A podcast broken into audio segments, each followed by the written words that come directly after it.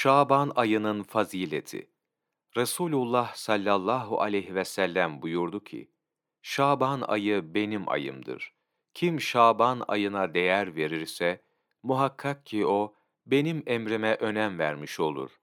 Benim emrimi büyük tutana ise, ben kıyamet günü, öncü bir kurtarıcı ve iyi bir hazırlık olurum.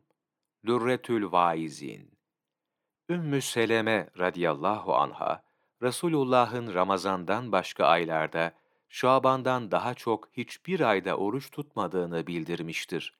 Hazreti Enes'in, Resulullah'ın sallallahu aleyhi ve sellem, oruçların en üstünü hangisidir sorusuna cevap olarak, oruçların en üstünü Ramazan-ı Şerif'te tazim ve hürmet için Şaban ayında tutulan oruçtur buyurduklarını beyan eylemiştir. Abdullah radıyallahu anın bildirdiği hadis-i şerifte, Şaban ayının son pazartesi günü oruç tutanın günahları mağfiret olunur buyurdu.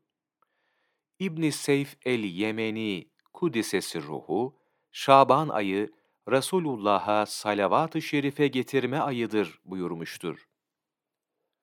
Bu ay, hayır kapılarının açıldığı, bereketlerin saçıldığı, hataların bırakıldığı, günahların örtüldüğü ve mahlukatın en hayırlısı Hazreti Peygamber'e sallallahu aleyhi ve sellem salavatın çokça yapıldığı bir aydır.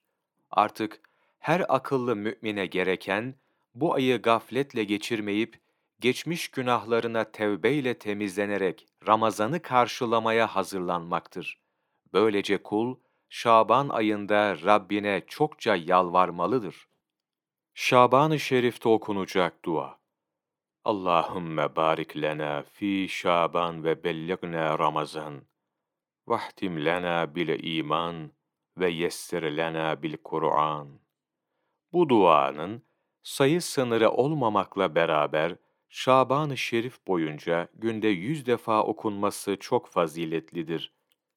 Şaban-ı Şerif duaları ilk on gün Ya Latifu Celle Şanuh. İkinci on gün. Ya Razzaku Celle Şanuh. Son on gün. Ya Azizu Celle Şanuh. Ömer Muhammed Öztürk. İbadet Takvimi ve Dualar. Sayfa 55 4 Mart Mevlana Takvimi